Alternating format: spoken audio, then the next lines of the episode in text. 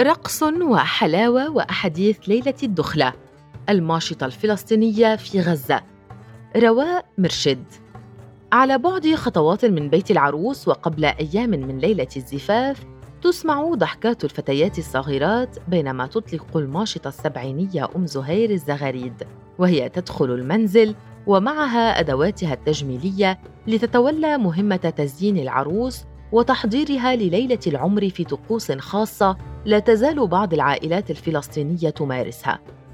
تقول أم زهير 75 عاماً: كان عمري عشر سنين لما بديت أروح مع أمي على الأفراح وكانت أمي ماشطة مشهورة.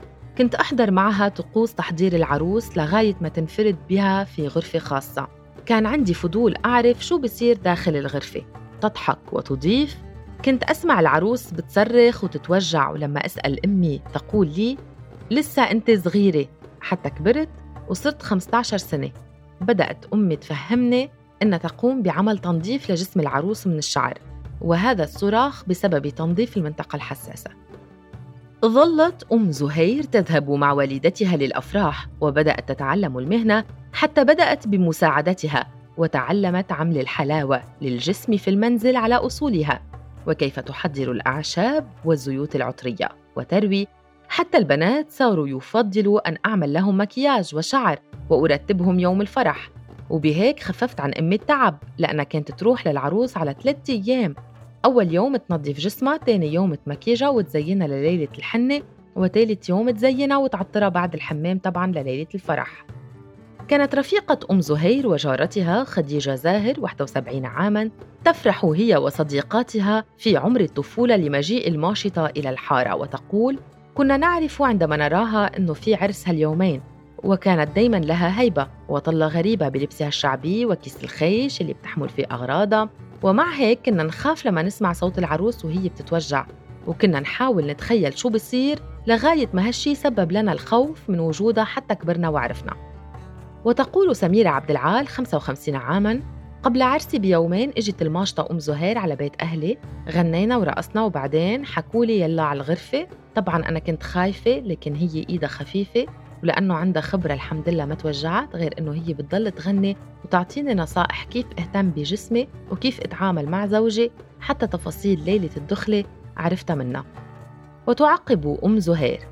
طبعا دوري أنصح البنات ووعيهم كيف يحافظوا على جسمهم وعلى جمالهم ونظافتهم. وكتير ستات ما كانوا يحكوا لبناتهم عن شو يعني زواج وشو يعني ليلة دخلة كنت أنا أتولى مهمة الشرح للبنات.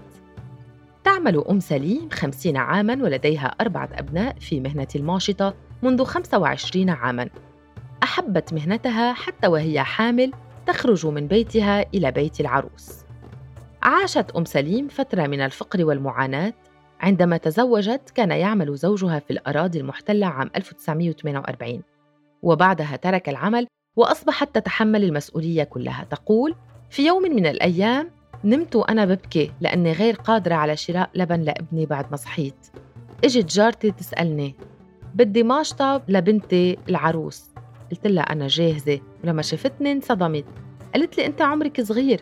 قلت لها أنا حابة هالموضوع وحابة أمارس هاي المهنة.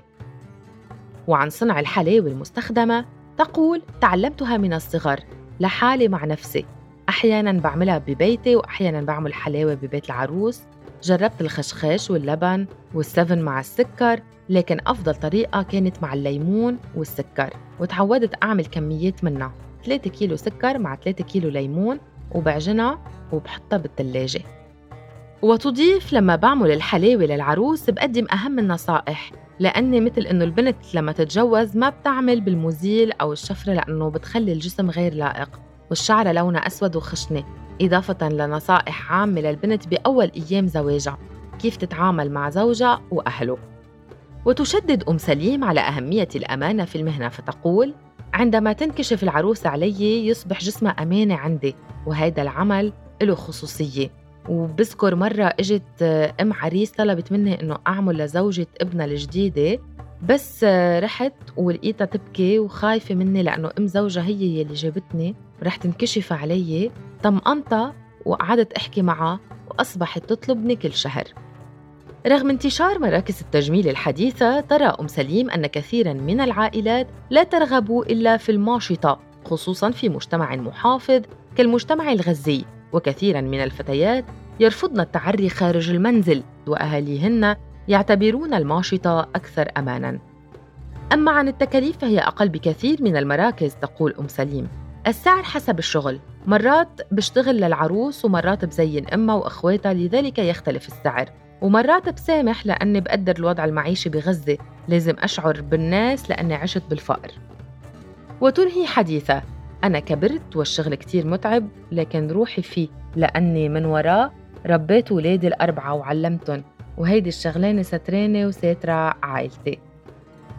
على الرغم من وجود الكوافير الحديث فإن كثيرا من العائلات تتمسك بحضور الماشطة فالحاجة هي التي دفعت لانتشار المهنة تقول الكاتبة الدكتورة فتحية صرصور لرصيف 22 في زمن لم يكن لكوافير وجود كانت الماشطة تقوم بهذا الدور. فكان دورها أساسيا في تجهيز العروس لليلة زفافها وقد ذكرت في الأمثال الشعبية حيث كان يقال شو تعمل الماشطة بالوجه العكر؟ وأيضا لأنه كان مشهورا عنها أنها بحكم تنقلها بين البيوت كثيرا ما تكشف أسرار تلك البيوت التي تدخلها فكانوا يقولون لا تخلونا لبانة بفم الماشطة. وتضيف هذه الطقوس تتشابه فيها معظم الدول العربية وهو ما ذكرته في كتابي العرس الفلسطيني.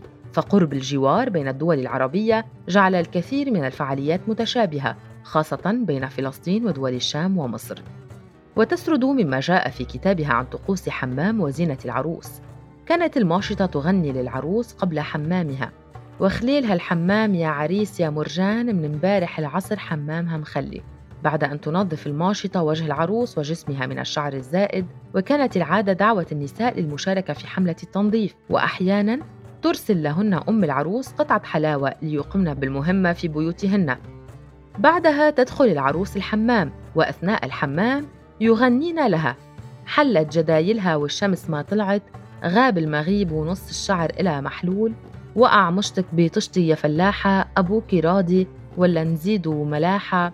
وقع مشتك بطشتي يا شلبية أبوكي راضي ولا نزيدوا مية؟ زينة العروس من الأرض. تقول صرصور عن طريقة تزيين العروس الفلسطينية قديماً لم تكن أدوات التجميل والعطور متوفرة حالياً معروفة أيام زمان. فكانت العروس تتعطر من نبات اسمه سعدة وهو نبات ينبت في الخلاء. كانوا ينقعونه ويحممون العروس بمياهه أو تقوم الماشطة بهذه المهمة من تجميع الزهور وتحضيرها للعروس. وتضيف في كتاب المهن والحرف القديمة ذكرت أنه كان للماشطة دور كبير في عملية تزيين العروس وكانت الزينة تختلف من مكان لآخر في فلسطين فالبعض يكتفي بالحناء والكحل مع تحمير الخدود ويضعون بشعرها خلطة من العطور والزعفران ويجدلون شعرها الطويل وهناك زينة أخرى يزين بها وجه العروس في يوم الفرح وذلك بورق ذهبي تلصقه على وجهها وكان يسمى البهرجان. لكن هذه العادة اختفت مع ظهور المساحيق المتعددة وكان بعضهم يضع على وجه العروس ورق السركون الملون وهو ناعم فيه قابلية للالتصاق بالجسم ويوضع على وجه العروس بلا نظام فيعطي الوجه لمعانا وبريقا. وتشير صرصور إلى أن أغلب العائلات تتمسك بوجود الماشطة قبل الفرح لعدة أسباب منها الثقة لأنها غالبا تكون ماشطة العائلة والنساء اعتدن وجودها. ولأنها تعمل في أجواء من البهجة والفرح داخل المنزل خصوصا وهي تضع الحنة للعروس ولفتيات العائلة اللواتي يتحلقن حولها وصوت غنائها وزغاريدها يملأ المنزل في جو كله بهجة وفرح.